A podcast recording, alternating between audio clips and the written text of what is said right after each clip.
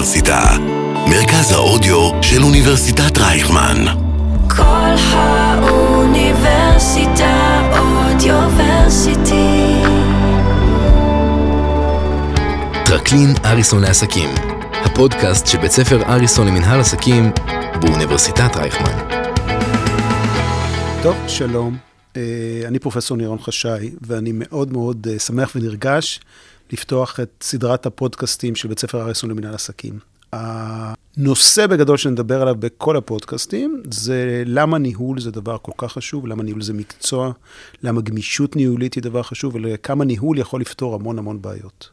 אנחנו נעשה את זה אה, באמצעות רעיונות שלי עם בוגרים שלנו שעשו הבדל, הצליחו, התפתחו, ואני מאוד מאוד uh, שמח שהראשון בפודקאסטים האלה יהיה ארז עזרא. Uh, קודם כל, ארז, תספר לנו קצת על עצמך. תודה רבה, כבוד גדול להיות הראשון בפודקאסטים אצלך. Um, אני בן 49, um, אבא לשלושה ילדים ונשוי לליאת. בחיים המקצועיים אני למעשה לובש שני כובעים. הכובע הראשון, אני שותף מנהל של פאמילי אופיס, שנקראת Clear Future.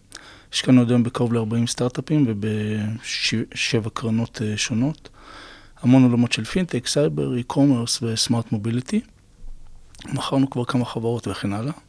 Uh, והכובע השני פה, באוניברסיטת רייכמן, uh, מוביל למעשה את הפרקטיקום בייעוץ האסטרטגי, שאנחנו מאוד אוהבים, מאוד גאים. זו סגירת מעגל עבורי כבוגר, GMBA של שנת 2010, uh, וגם עוד כמה קורסים שאולי ניגע בהם בהמשך.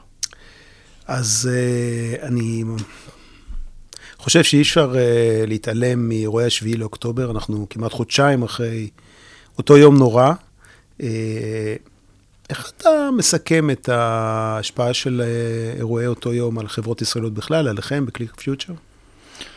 בחיים המקצועיים אני נוגע בכמה ממשקים. אחד זה באמת Clear Future, אבל uh, יש לנו חברת אחות uh, משמעותית בתחום הנדל"ן, ואני נחשף מטבע הדברים, כי אני מקושר ללא מעט חברות, ואני אני חושב שהתמונה היא, היא אף פעם לא שחור ולבן, היא הרבה אוסף נקודות של uh, לבן ונקודות לבנות ושחורות. אם נדבר בהתחלה טיפה על הטק, אז אנחנו רואים, אני יכול להגיד לך בחוויה האישית שלנו של Clear Future, אה, קיבלנו שלושה טרם שיטים בחודש האחרון, כאילו הייתה האצה של, של המון משאים ומתנים שלא לא, לא הבשילו, אז משהו טוב קרה. אה, אבל יש גם חברה, שתיים, ש, שנמצאות באתגרים. אה, כשאני מדבר עם שותפים אחרים בתחום הטק, אז יש, יש, יש המון חששות. אני מזכיר שגם ככה נכנסנו לזה אחרי שנה מאוד מאתגרת בתחום הגיוסים בישראל, בעולם בכלל, אבל בישראל בפרט. הנקודות אור שהיו בתקופה הזאת זה גיוס אה, קרן אחת לעזרה לסטארט-אפים ב-early stage וגם של המדען הראשי של אה, משרד החדשנות. אז אני עוד לא יודע לאן כל זה הולך, יחד עם זאת אני חושב שכחלק מהמגמה שהיינו מוטרדים בתחילת השנה של איזה סטארט-אפים יסעדו ואיזה לא, אז עכשיו זה יהיה הרבה יותר אה, clear cut מי שורד ומי ממשיך הלאה. בנגיעה שאנחנו רואים בהקשר של חברות נדל"ן, יש עצירה של מכירות. יחד עם זאת, יש שלוש מגמות שעשויות להשפיע על ההמשך. אחד זה הירידה הצפויה בריבית, שעשויה לאפשר על הגדלת לקיחת המשכנתאות. שתיים, הצפי לגידול בביקושים, אנחנו מדברים על חודש וחצי שעזבו, עבדו בתחום הבנייה, מה שאוטומטית מקטין את ההיצע ונפגש עם ביקושים שעשויים לגדול. ושלוש, מגמה, מגמה שכולם מדברים עליה, היא הנושא של אולי הגדלת העלייה. אז אני חושב שבטווח הזמן הבינוני ובהמשך אנחנו צפויים לגידול בעולם הנדל"ן. המגמה השלישית שאני רואה, כי אני נחשף אה, בלא מעט אינטראקציות, הרבה חברות שהיו על המדף מאיצות את הרצון שלהם להימכר עכשיו. אה, אנחנו נראה הרבה מיזוגים ורכישות, וגם, לצערי, גם סגירה של חברות שלא יכולות, או לא הגיעו מוכנות למשבר. אז זה באמת מוביל אותי לשאלה הבאה שלי. אתה יכול לשים איזשהו...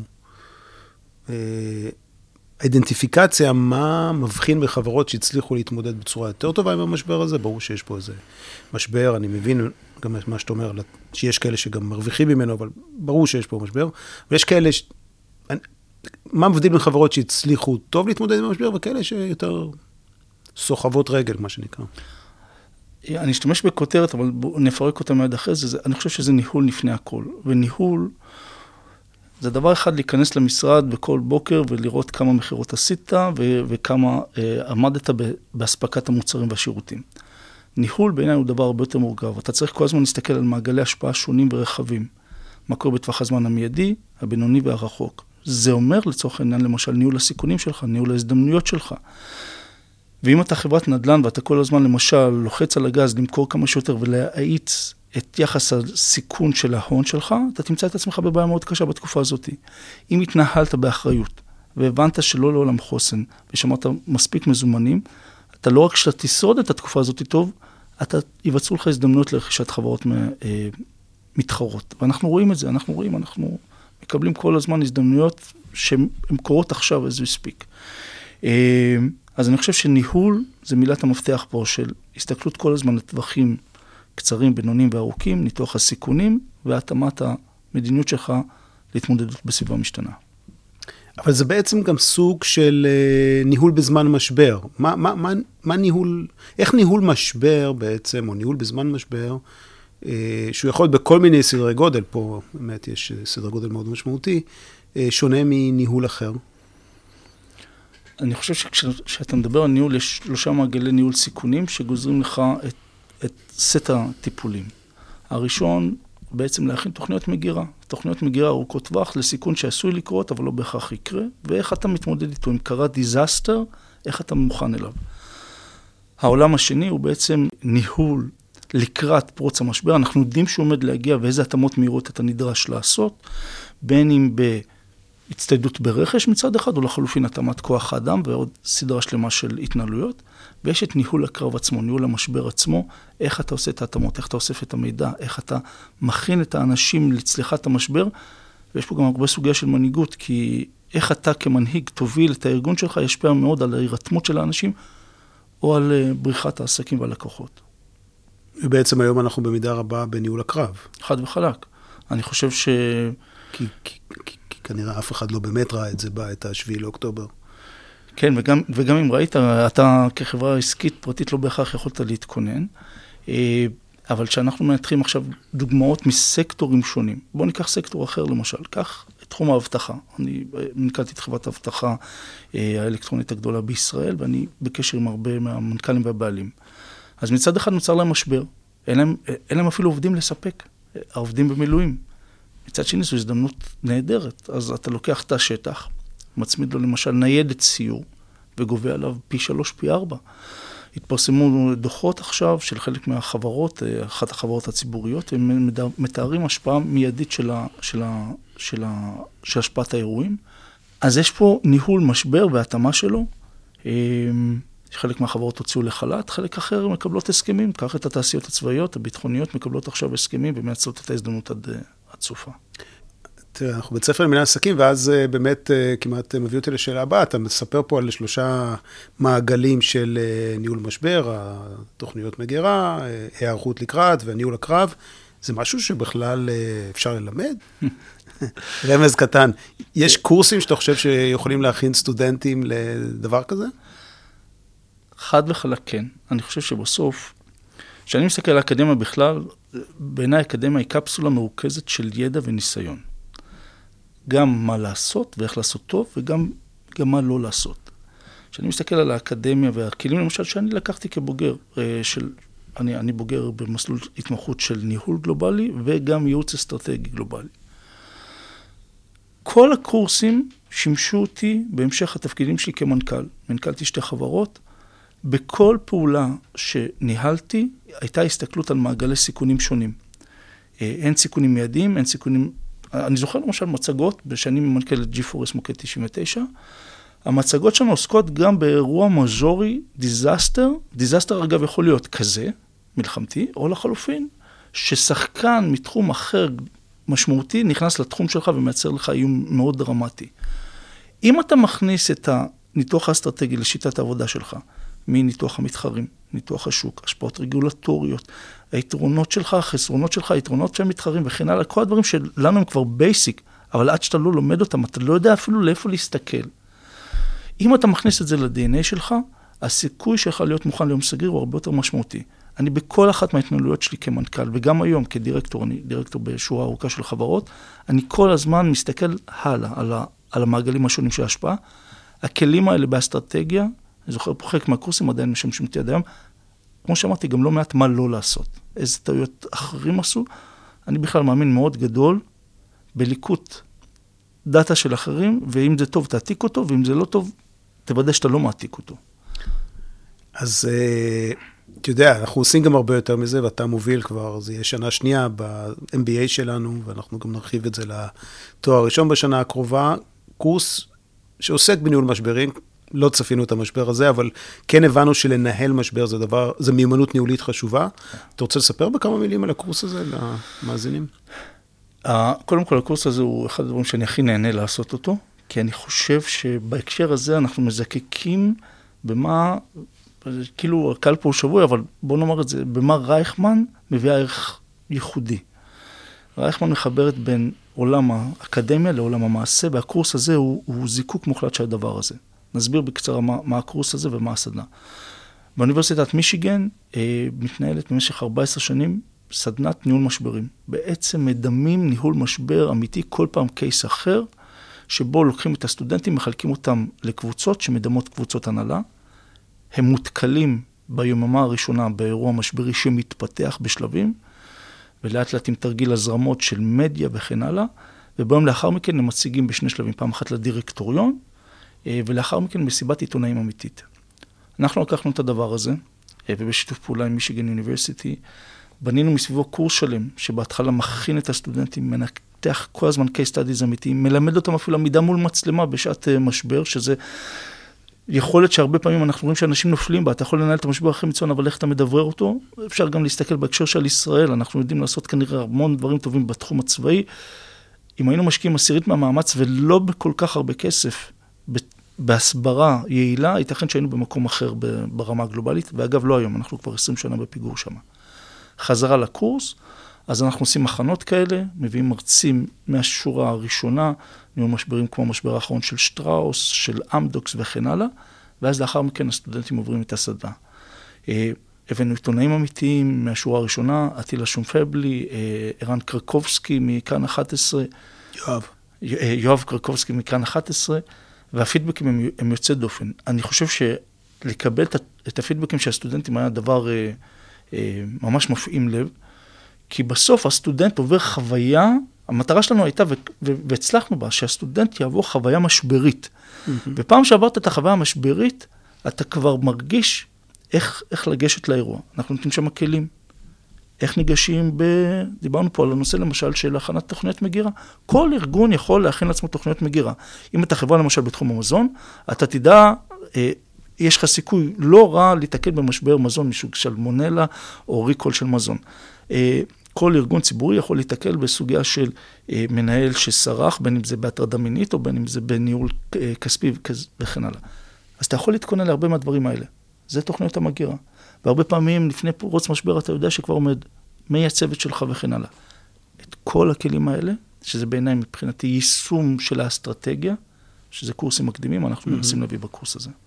טוב, מרתק. כאמור, גם בתואר השני במנהל עסקים, גם בתואר הראשון, אז הסטודנטים שלנו יזכו ליהנות מזה בשנה הקרובה, נראה לי שזה in a timely manner. אני רוצה לקחת אותך רגע למקום אחר, אני חושב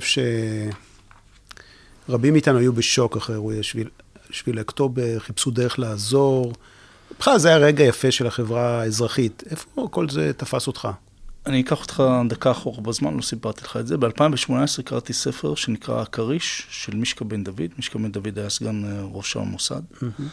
והוא מתאר תרחיש אה, די דרמטי דומה למה שקרה ב-7 באוקטובר.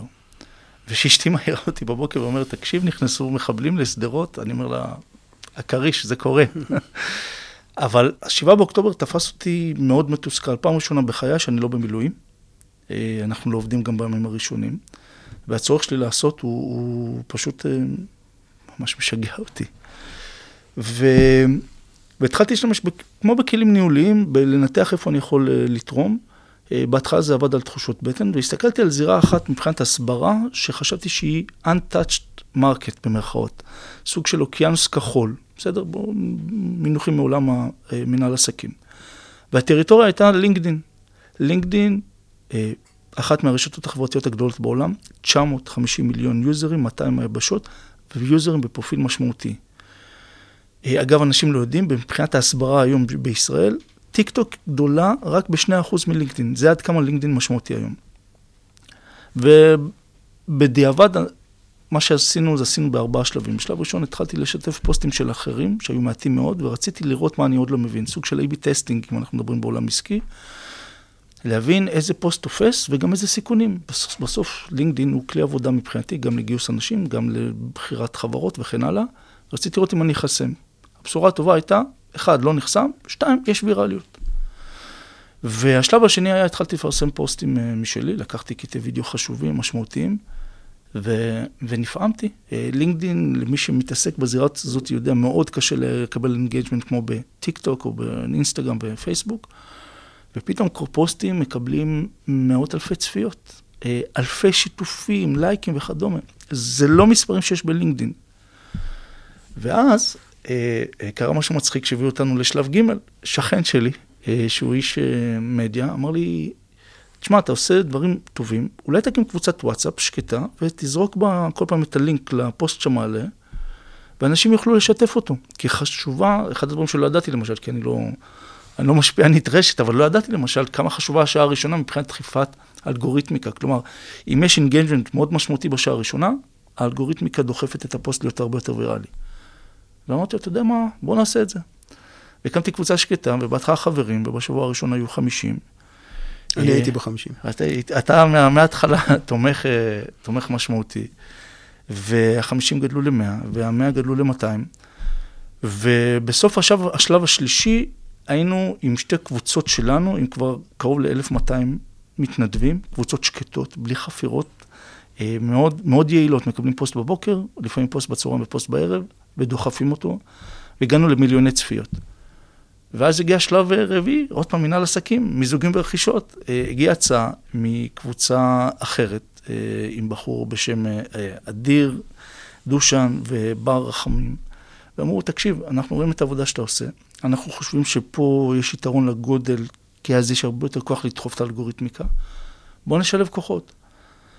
ואנחנו נעשה למעשה כיום עם שלוש קבוצות זהות כולן, שקטות. אה, יש עד ארבעה פוסטים, גדלנו בעוד אחד, אה, והתוצאות הן מפעימות. אני מקבל שיחות טלפון גם מדובר, גם מנציגים של דובר צה"ל, של משרד הסברה. כולם מנסים להבין מה עשינו, כי אנחנו עושים כנראה משהו טוב בלי להתכוון, אבל נורא אינטואיטיבי. ואנחנו מקבלים עשרות, אני מקבל כל יום בין 10 ל-15 פניות אישיות של אנשים, בין אם יהודים וישראלים, בין אם לא יהודים ולא ישראלים, שמודים לנו על העבודה שאנחנו עושים. אנחנו מקבלים גם הרבה התקפות. אה, אתמול למשל נחסם לי פוסט ובערעור הוא שוחרר, אבל יש מלחמה, יש מלחמה אחרת גם ברשת וחוסמים ומגיבים לנו. אבל התוצאה המצרפית היא שאנחנו כנראה מזיזים משהו אה, ברמה של אחוזים כבר משמעותיים בלינקדאין. אה, אנחנו חושבים על השלב, השלב הבא, למשל להיכנס לזירות כמו טוויטר, למרות שזו זירה שאני באופן אישי קשה לי איתה. היא משפיעה לא טוב על, על התחושות שאתה עובד בה, אבל אה, מפעים אליו לראות את כל העבודה שאנחנו עושים. יש לי גם מישהי שהיא בחופשת לידה שחיפשה לעזור, בחורה בשם, בשם סתיו שטרן, אז זה ממש התנדבות, 100% התנדבות. מילה אחרונה בהקשר הזה, אני השתתפתי שבוע שעבר ב... ב בישיבה שהציגו המון דוברים ממשרדים מאוד גדולים, מדברים על הצורך לקבל תקציבים של מיליארדים. אני אומר את זה בעדינות, אה, אפשר לעשות הרבה עם מעט מאוד כסף, אנשים רוצים לתת, ובסוף לא צריך פה M16, לא צריך מחסנית, לא צריך מדים, לא צריך ימי מילואים, צריך מכשיר קטן ביד, אפליקציות כבר נמצאות, צריך לקבל את הפוסט ולהעיף אותו. זו מלחמה שאפשר להיות בה הרבה יותר יעיל, ואנחנו start-up nation, ואפשר לעשות את זה. אחלה, טוב, היה מרתק, ארז, ואני יודע, גם בימים אה, שחורים אלה משמח אותי לראות שכן, הדברים שלמדת עוזרים, ובאמת עשייה מדהימה ומבורכת, ו- to be continued. תודה לכם שהייתם איתנו והקשבתם לנו, אני מקווה שהחכמתם. אני מזמין אתכם אה, לעקוב ולחכות לפודקאסט הבא, שבו אני אראיין עוד בוגר או בוגרת שלנו בנושא אחר שקשור לניהול. יום טוב.